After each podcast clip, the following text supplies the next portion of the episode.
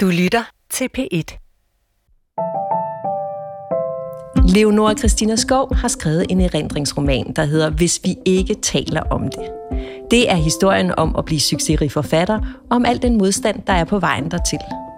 Som læser er jeg i begyndelsen plaget af den samme tvivl som Leonora selv. Er det i virkeligheden ikke hende, der er noget galt med? Men så begynder jeg at genkende de strukturelle mønstre og typer, der står i vejen for forfatteren. Og da forløsningen endelig kommer, fik mine tårer også frit løb. Velkommen i bogselskabet, Leonora Christina Skov. Tak. Ja, nu skal vi tale om det. Ja. det er alt sammen. Ja. Er du sød at tage din roman mm-hmm. her, og så læse den allerførste sætning? Ja. Jeg løftede min lille røde kuffert ud af regionaltoget i Svendborg og troede et øjeblik, at jeg så min far stå på perronen og vente på mig. Du er på turné med Ja. din forrige roman, Den, der lever stille. Og det, i den anledning, der er du i Svendborg, hvor din far bor. Og det er der, du tror, du ser ham stå på perronen. Hvilke følelser udløser det i dig? Øhm, en, øh, altså, mild redsel. Fordi øh, jeg ville synes, det var meget, meget akavet at have min far med øh, til det foredrag, og han havde spurgt mig ad, om han måtte komme og høre det. Øh, og, øh, og det måtte han egentlig ikke, fordi mine læsere spørger jo til de her foredrag, hvad, hvad tror du, der er galt med din far? Min læser er meget bramfri, mm. det skal de jo også være. Øh, og det synes jeg jo selvfølgelig ikke, han skulle sidde og høre på. Øh, jeg tænkte, det ville blive meget, meget mærkeligt og svært at gennemføre det foredrag. Men hvorfor vælger du at indkapsle ham i den allerførste sætning? Fordi han fyldte rigtig meget på den turné, øh, sådan set. Og fordi jeg talte om ham og ham og min mor hver aften. Øh, men så er det selvfølgelig også fordi, altså faderskikkelser er et tema i bogen. Altså de, der, der er de gode fædre, mm-hmm. eller sådan, der er en Reiner Grassen, som købte, købte min bog til filmatisering. Hans forhold til, til sin datter Puk, og hvordan, altså, hvordan han, Han, var som kærlig. hin, sin datter frem, Ja, ikke? han er en kærlig opbakkende far. Ikke? Der er en anden farskikkelse, sådan Simon, som er sådan en, en mand, jeg hvis erindringer, jeg skulle skrive, øh, da jeg var meget ung. Han var så dement, så det var noget svært. Men han var jo også en god og kærlig far. Øh, og så var der en forlægger, som måske var en knap så god og kærlig far. Mm. Så der er forskellige fædre i den bog. Og så den her lille røde kuffert, placeret ja. i regionaltoget. Hvad skal den markere? Jeg har altid været på rejse på en eller anden måde. I mine bøger har der også altid været folk, der kom på rejse og ankom tomhændet, og kun ankom med en lille kuffert med et eller andet i. Øh, at det er måske sådan, jeg har det i livet mm. på mange måder, at, øh, at jeg ikke sådan... Øh, jeg har ikke rod noget sted på den måde, men jeg har ligesom nogle få ting med mig. Hvis vi lige skal rise romanens handling op kort, så er det sådan historien om op- og nedture i forsøget på at slå igennem som øh, forfatter. Mm. Om redaktører og forlægschefer, der har andre agendaer end at skabe det bedst mulige resultat sammen med dig. Og om opslidende turnéer med halvtomme sale og halvtomme biblioteker. Ja, og helt tomme. Ja, Jeg har også haft et, hvor der kom en. så drikker man bare en kop kaffe og sludrer lidt. Vi drak en flaske vin, det var Ja, ja, så endte det okay. fornuftigt. Det handler også i, i, i store øh, afsnit om sådan den manglende tro på dig selv, og perioder, hvor papiret forbliver blankt, øh, hvor du tvivler på, på dit projekt. Og din hustru Annette kalder det her mentale rum for dit pinagtige lille lorterum. Alle burde have en Annette i deres liv. En, en ærlig person i sit liv. Ja. ja. Men trods den her modstand og de udblivende salgstal i starten, så knokler du videre for at forløse din drøm og din ambition om at blive, blive læst. Hvorfor er turen til målet så hård for dig? Øh, altså, jeg tænkte i hvert fald meget, mens jeg læste, at der var et, et kæmpe klasseaspekt i min, øh, i min historie. Den der historie, der aldrig bliver fortalt i Danmark, øh, om hvor, hvor mange, der er født til privilegierne, og Mm. født til at vide, hvordan man begår sig. Og, og så er der også andre, der kommer udefra ind i noget. Øh, for mit vedkommende kom jeg så ind i sådan litteraturvidenskab, ikke? med studerende, som allerede havde de fede studiejobs, mm. fordi deres forældre havde de rigtige navne og de rigtige kontakter, de havde gået på lille skole i København, og, og hele branchen, både mediebranchen og, og forfatterbranchen, er jo inficeret af det der. Så dem, der ligesom vidste, hvad man skulle gøre, de ville for eksempel have valgt at skrive en digtsamling, mens jeg lavede en feministisk antologi. Ja. det var ikke den bedste måde. Det var ikke fordi, at derefter blev alt, hvad jeg så, da jeg så skrev, ligesom regnet for kunst. Så blev alt, hvad jeg skrev, regnet for debat. Ja, fordi du debuterer med antologien De Røde Sko, hvor der er en række feministiske indlæg fra yngre kvinder. Mm. Og det kommer til at definere dig for, som forfatter. Hvorfor? Fordi jeg fik en offentlig platform som feminist øh, dengang, og, øh, og begyndte at debattere. Mm. Og den der unge, brede kvinde med de farvestrålende kjoler og, og de høje sko, var virkelig svært for folk at, at holde ud. Mm. Øh, der var ikke rigtig andre, der så sådan ud. Og det der med at være vred, var i hvert fald heller ikke tilladt. Det er det jo stadigvæk ikke. Øh, det må man virkelig ikke være. Mændene må være vrede til de 100, altså, men kvinderne skal bare smile og, og komme over det på en eller anden måde. Så jeg tror, at, at jeg var uforståelig simpelthen for folk, og, og de anså mig for at være sådan mandehader, og, og jeg er rasende uden grund. Hvor, øhm. Hvorfor tror du, det er så provokerende, når stærke kvinder stiller sig op med stærke holdninger? Altså, jeg tror jo, det handler om det der med, med øh, magt-tingen, ikke? At, at øh, man vil hellere have en kvinde, der, der underordner sig, end en kvinde, der stiller sig op og ved, at hun er velskrivende og veltalende mm. og ser godt ud. Den, den der sådan selvsikkerhed øh, bryder man sig simpelthen ikke om. Altså det kan mænd få lov til, fordi så passer det hele sammen. Sådan en ung, selvsikker mand er jo, er jo dejlig. Også fred mand kan mm. jo sagtens være at se på Jonas Eika. Det kan man være. Øh, men, men en vred kvinde, det er demoniseret. Mm. Øh, det er det. Så, så det skal man bare ikke begynde på, altså, og det gjorde jeg så. Og jeg blev ved med at tænke, øh, ja, i rigtig mange år, at det ikke kunne være rigtigt, at man ikke kunne være sådan.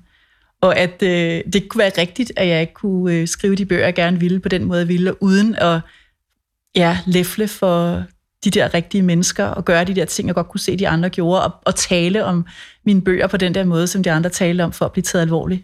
Jeg nægtede at gøre noget af det. Jeg havde meget lidt respekt for det litterære miljø, og for de mennesker, der sad i det. Jeg anså mig selv for at være bedre begavet og bedre i stand til at læse bøgerne. Jeg anmeldte dem jo også selv. Mm.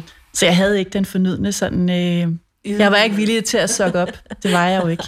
Det er jeg faktisk stadigvæk ikke. Du beskriver en scene, hvor, øh, hvor du møder digteren Pia Taftrup, ja. som, øh, som varmt og venligt opfordrer dig til at tige stille, ja. for at lykkes som forfatter. Det var meget øh, sødt af hende. Ja, og hun, hun, hun anbefaler dig simpelthen hold op med at sige din mening offentligt som debattør. Stop med at anmelde, øh, anmelde andres øh, romaner. Ja. Hvorfor lyttede du ikke til det råd? Det var jo fordi, på det tidspunkt, øh, det var der, i, øh, jeg var blevet færdig som magisterkonferens, så det har været i 2005. Øh, jeg, jeg havde den her lange uddannelse, og jeg synes egentlig, jeg havde rigtig meget at sige om litteratur. Og jeg tænkte også på, hvordan skal jeg rent faktisk overleve? Øh, fordi jeg fik ikke legater. Så, øh, så hvad skulle jeg gøre? Og så tænkte jeg, at jeg kan, jeg kan i hvert fald skrive anmeldelser, fordi det vidste jeg, jeg kunne, også at jeg kunne tjene penge på. Og så tænkte jeg, så, så er det to dage om ugen, der går med det, og så har jeg masser af tid til at skrive mit eget. Så jeg synes, det var en top deal, mm. jeg havde fået der. Og så tænkte jeg, at hun ikke havde ret. Det måtte være en eller anden fortidig generation. Jeg synes, det var rigtig sødt af hende at sige, men jeg synes ikke, at, at det, øh, det bedste råd, man kunne give mig, det var at bede mig om at holde kæft. Altså, det, det synes jeg ikke. Jeg var altså i verden for at tale og, og sige min mening, at det betød utrolig meget for mig at kunne sige den om et hvilket som helst emne. Jeg tror vel også, fordi jeg kom fra den der meget uh, repressed baggrund, ja. hvor, hvor man i hvert fald ikke skulle sige noget, så blev man jo slået ned, ikke? Og så ender du med i 2012 at indstille karrieren som debattør. Ja. Altså, hun fik jo ret. Hun fik fuld, fuldstændig ret, og det er jo altså en, en af de mange overvejelser, jeg selvfølgelig har haft med bogen, er, at jeg, min bog udsiger, at hvis du vil lykkes som kvindelig forfatter, ja. så skal du holde kæft.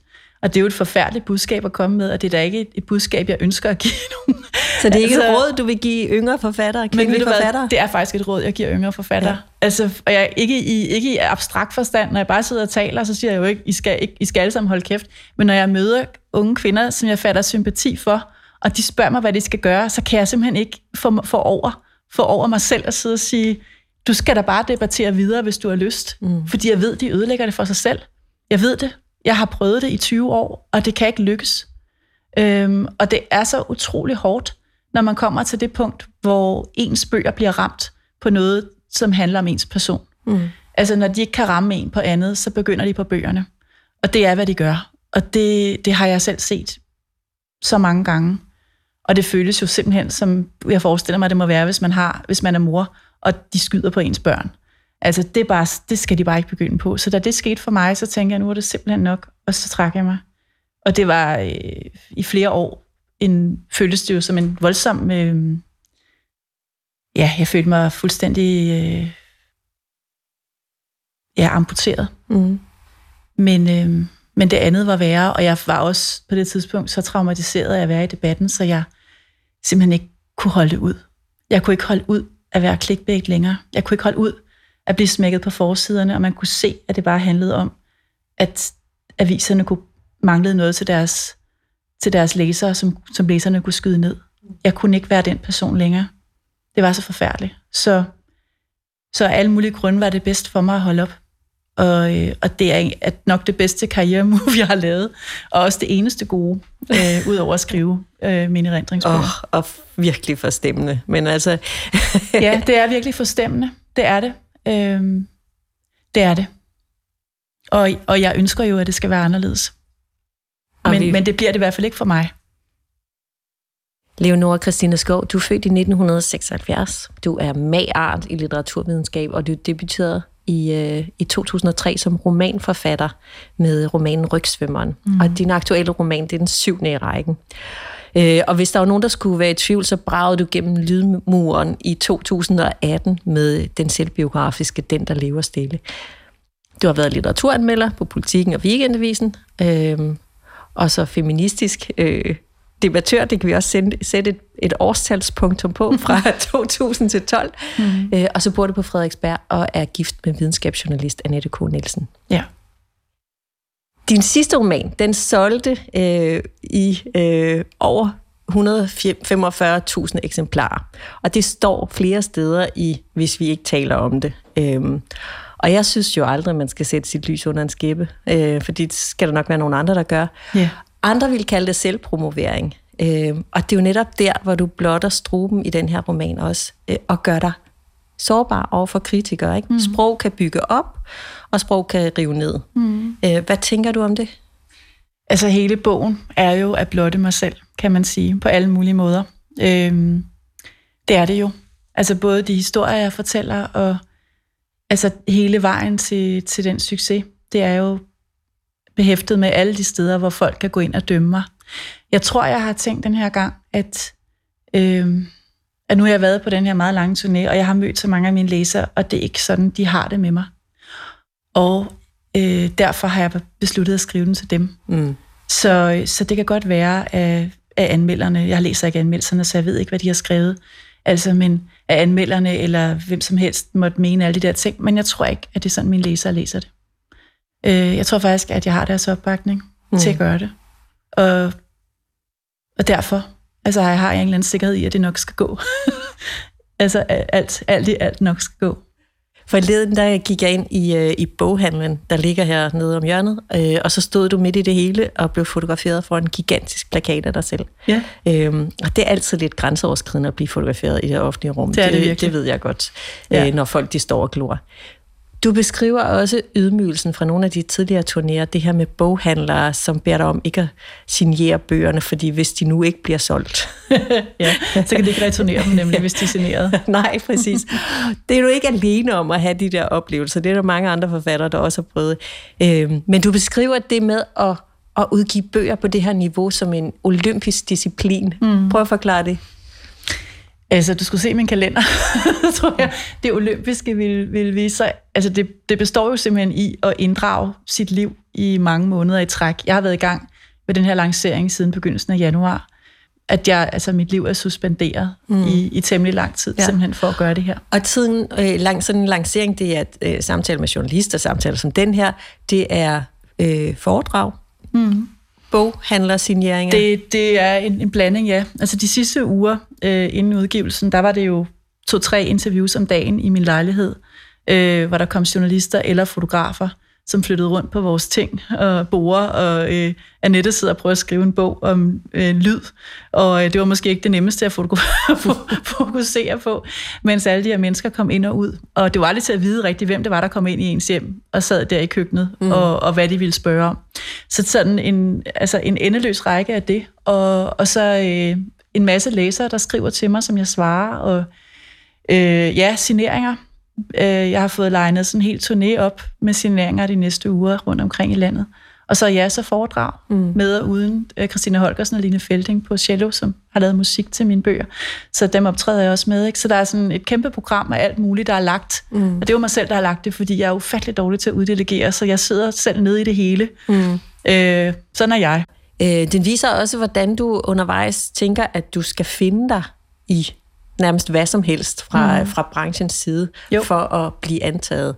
Øh, for eksempel så din første forlægger, en mand på din fars alder, han lægger an på dig, tager på dig, kysser dig. Det bliver, altså, hvor langt forholdet går, det bliver kun antydet. Du, mm. du afslutter hvert møde med at tage lange bade og prøve at skure dig selv ren. Og, i, og grunden til, at, at, øh, at du ikke siger fra øh, tydeligere over for ham, det er, fordi han tænker, at han vil smide dig og din bog på porten, øh, hvis du gør det. Ja, og at han vil øh, blackliste mig i branchen. Ja, at han vil bruge sin magt til at tale dårligt om dig over for andre. Ja, fordi jeg ved, at han kender alle. Ja. Og jeg ved, det er også vigtigt, at han er interesseret i bogen. Øh, og at den, den skal jo ud. Og det, på det tidspunkt, der har jeg fået en kontrakt, så det er ikke sådan, at jeg får en kontrakt på grund af det. Jeg har fået en kontrakt, og jeg har også fået de her 30 kvinder til at skrive deres bidrag. Øh, næsten gratis. Og vi er, godt, vi er meget langt med, med antologien egentlig. Og jeg kan bare heller ikke overskue det faktum, at han smider os på porten, og jeg har fået alle de der 30 mennesker til at arbejde gratis på det her projekt, og det så bare øh, ender i ingenting. Mm. Og det er min eneste kontakt i forlæsbranchen. Ja. Øh, så jeg, jeg, jeg får ikke sagt nej. Selvom man måske kan forestille sig, at det nok ikke lige er noget for mig. Men det, det er også alle de mænd gennem tiden, der har troet, at et nej nok i virkeligheden betød ja. ja. Altså, som som tror, at det betyder, at man spiller kostbar. Der tror jeg, der er nogen, der har noget at lære. Du kalder det i romanen for, at du betaler en høj pris for at blive forfatter. Det synes jeg. Og selvom den her scene jo kun fylder 30 sider i bogen, som, øh, så er det jo også en scene, som du bygger op til. Øh, det bliver sådan en første kulmination i handlingsforløbet. Mm. Øh, det er en, nogle meget ubehagelige øh, scener, men, men det for mig som læser, så betød det egentlig, at jeg tydeligere forstod øh, de mekanismer, der fører til uønsket intimitet. Mm. Øhm, ja. en, en mand med magt, der udnytter en kvinde, der er afhængig af den mand og hans magt. Mm. Ja, altså det var, øh, der var jo grunden til, at jeg valgte den form. Fordi sidste sommer, da hele det der MeToo skete i Danmark, der øh, ville forlagsbranchen rigtig, eller det ville den faktisk ikke, forlagsbranchen ville ingenting, men, men medierne ville rigtig gerne have, at, at jeg stillede mig frem og fortalte noget omkring det her med, hvad jeg havde været udsat for, og jeg nægtede, fordi jeg ikke synes, at det skulle være debat. Øh, for det første er jeg nærmest traumatiseret af at have været i debatten, så det var dog det sidste, jeg ville. Derudover synes jeg, at det var vigtigt at lave sådan en scene med nuancerne. Altså det skulle være, nuancerne skulle være der. Man skulle kunne forstå både det ene og det andet perspektiv, og, og jeg vil ikke dømme nogen. Så jeg synes ikke, det skulle reduceres til sådan en femlinjers øh, debat, mm. simpelthen. Så, øh, så jeg sagde nej, og, og arbejdede i stedet for at få en, øh, en øh, undersøgelse. Mm. Og det fik vi jo også. Men, øh, men ja, så derfor, altså det er jo, jeg har prøvet at lægge det frem jo, og ja, det fylder 30 sider, men sådan som mediedækningen har været, skulle man have troet, at det fyldte 350. så det har virkelig været, været voldsomt, synes jeg. Ja. Man lægger mærke til, at forlæggeren og så andre personer, som er øh, som ikke hjælper dig, eller som står i vejen, øh, øh, som er modstandere til dit projekt, de er anonyme. De mm. hedder bare forlæggeren eller redaktøren. Ja. Mens de mennesker, som bakker dig op, de, øh, de bliver nævnt med, øh, med navn. Ja. Øh, også nogle gange med, med efternavn. Hvorfor den forskel? Ja, altså jeg, i starten, der var det egentlig bare forlæggeren der, øh, den første, som jeg havde anonymiseret. Men øh, altså de andre, for jeg synes ikke, det der foregår der, er noget, hvor man ikke kunne have navn med. Det er ikke sådan, jeg tænker, at det er injurerende på nogen måde, øh, egentlig. Men øh, da jeg så havde skrevet det, så tænkte jeg egentlig, at det var federe, at de alle sammen bare var anonymiseret hele banden, mm. fordi så var det lidt som om, at der var nogle scener i sort-hvid, og så kom farverne på, mm. da, jeg, da jeg fandt et ordentligt forlag, som bakkede mig op. Øh, så det var egentlig derfor, for egentlig at gøre dem øh, ikke sort-hvid på den måde, altså gode og onde, men mere sådan, så det lå i sådan et, et øh, at det mere var typer, ja, det end var, det var personer. De passager, de er jo meget nøgterne og meget sådan nedbarberet, ikke? Jo. Hvor øh, da jeg forleden mødte din, øh, din direktør, din forlagsdirektør, så kunne jeg jo fuldstændig genkende beskrivelsen af hende. Ja, Lene. Altså, ja. Lene Jul fra ja, Politikens Forhold. Med det hvide, forhold, det hvide jakkesæt. Ja. ja. ja. Øh, men det var, også, det var jo også som om, at, øh, at da jeg så kom derover, så kom der jo også farver på igen, og der var jo også nogle mennesker, som trådte ind, og som som kunne se, at jeg kunne noget, og som støttede mig i det. Mm. Øh, så de andre scener der, der har jeg også væsentligt flere dagbogsbeskrivelser med. For eksempel, jeg klipper meget af mine dagbøger ind mm. i beskrivelserne af de her, øh, de her mere sådan typeagtige karakterer. øh, sådan så min stemme for den gang kommer mere frem, mm. når jeg fortæller i de scener om, hvordan det føltes, ikke? Og, at være i nogle situationer. Jeg synes faktisk, det værste for mig var ikke engang forlæggeren. Det var helt klart øh, den forlagschef, der kom efter, som øh, ja, redigerede en af mine bøger til ukendelighed, mm. så da den udkom, kunne jeg simpelthen ikke se, at det var min bog længere, det var forfærdeligt. Øh, meget mere traumatisk og kastede meget længere skygger end noget, nogen forlægger nogensinde kunne have lavet mig med uønsket intimitet. Øh, det var jo mit værk, mm. simpelthen. Øh, så, øh, så der var forskellige... Øh, men, men altså, anyway, det var simpelthen bare for altså, at, øh, at markere. Ja. Og simpelthen også, fordi jeg ikke synes, at det skal være et eller andet personangreb mod personer, der, der eventuelt kunne være kritisk beskrevet i en bog. Jeg har ikke lyst til at se nogle af de personer på forsiden af en formiddagsavis. Det er ikke det, der, der er pointen. Jeg, er ikke, øh, jeg føler ikke nogen, nogen... Der er ikke noget hævnmotiv fra min side i hvert fald. Nej, og det, og det er ikke et hævntogt at skrive den her bog. Øh, men jeg kan alligevel ikke lade være med at, at tænke på, at undervejs i læsningen, så bliver det sådan lidt et Team Leonora. Og jeg, jeg, jeg melder mig gerne på det hold. Og så det modsatte. Altså på en eller anden måde, så kan man ikke lade være med at vælge side. Hvad tænker du om det? Uh, det tænker jeg, at det må være op til, til læserne selv. Jeg, jeg, øh, de behøver ikke at være på min side hele vejen overhovedet. Jeg er faktisk Åh, altså jeg, jeg, synes, jeg var ikke nødvendigvis selv på min egen side, hvis du forstår, hvad jeg mener, da jeg skrev den. Øh, jeg havde det virkelig svært ved at skrive de der scener med den der forlægger. Jeg synes, det var, at det var sådan, så kom dog i gang med at sige nej, dame. Altså, hallo, du er ikke 18, det er ikke Lolita. Altså, det var sådan, øh, det var enormt svært at skrive det på en eller anden måde. Jeg, jeg havde det så svært med at se mig selv i den rolle, og der var også nogle scener fra min opvækst, hvor jeg øh, var vidne til en, en øh, klassekammerat, der blev mobbet vældig meget. Og min reaktion burde jo klart have været at gå ind og støtte hende. Min reaktion var så i stedet for at kigge på hende, og så gøre alt modsat for ikke at blive mobbet selv lige så meget. Øh, det var jo ikke særlig helt modigt, så jeg, jeg ved ikke, om jeg sådan føler, at jeg selv står på Team Leonora. altså, egentlig, det gør jeg egentlig ikke nødvendigvis. Det gjorde jeg mere i den foregående bog. Lad os prøve at tale lidt om romanens opbygning. Mm. Du springer sådan i, i tid i romanen. Du varsler, der kommer til at ske noget om lidt. Ja. Du peger sådan frem og tilbage.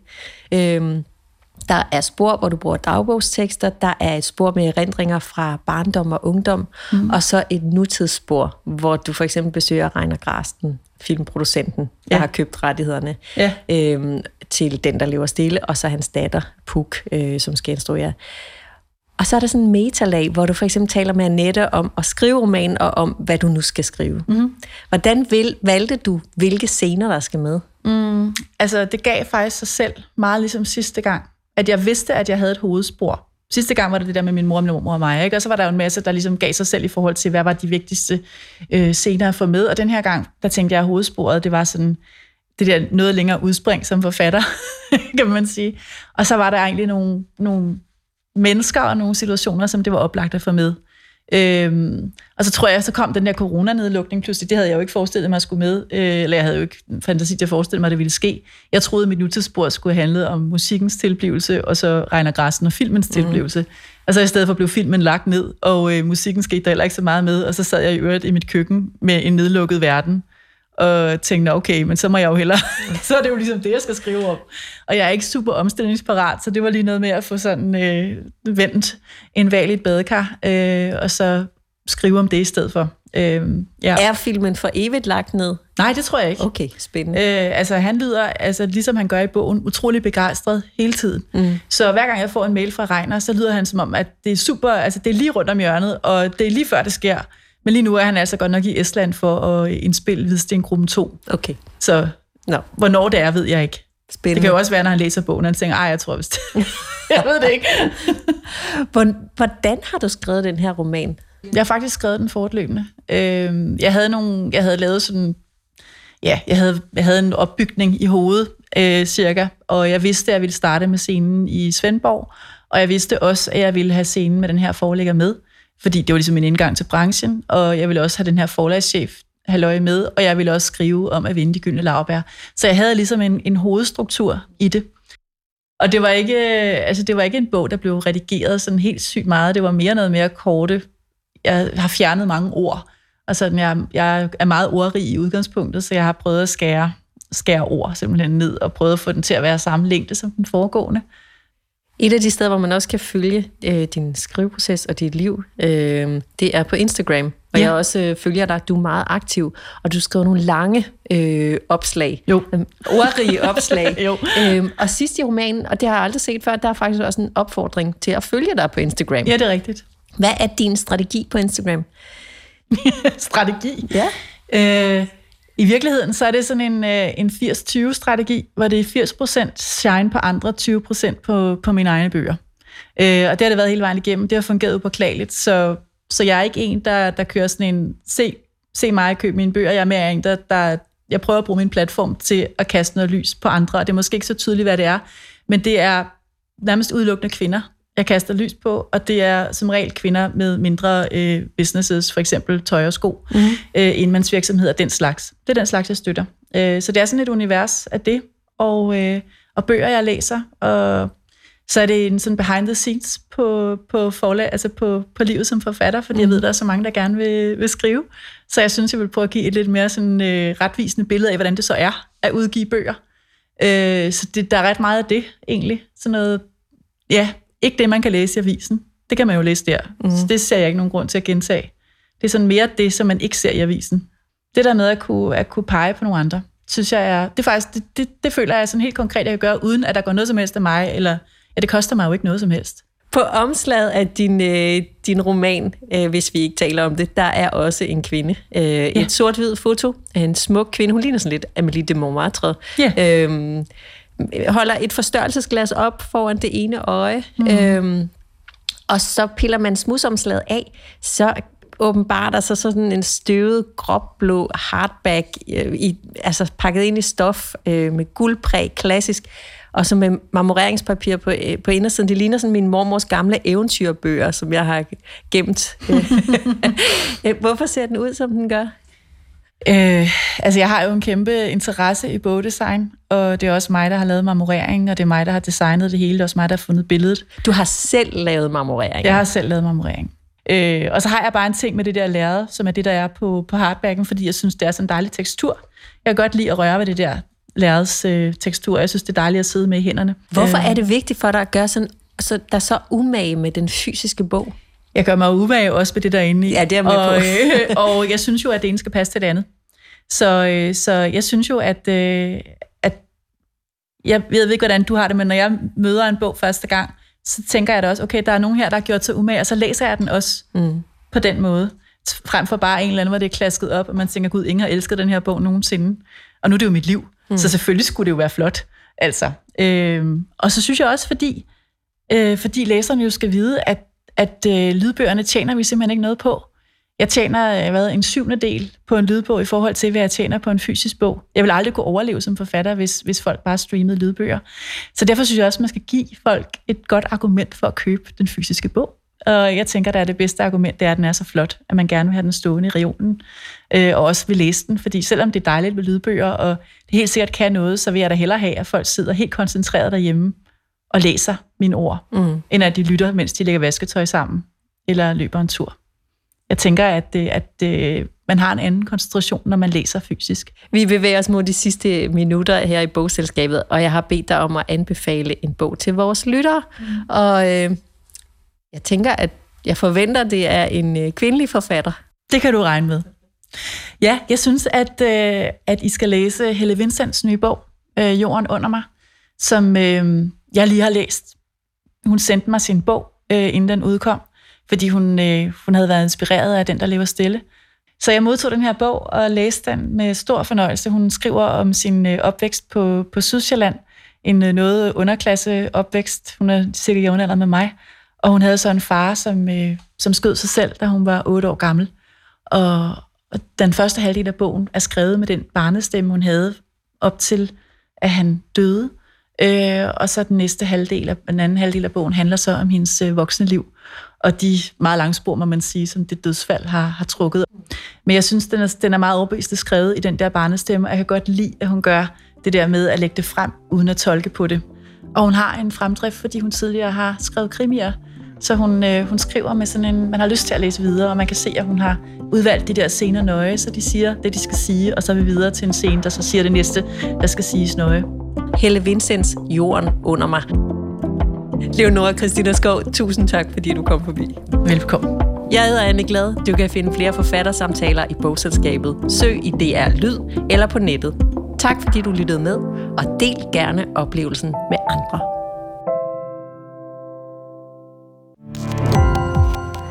Gå på opdagelse i alle DR's podcast og radioprogrammer. I appen DR Lyd.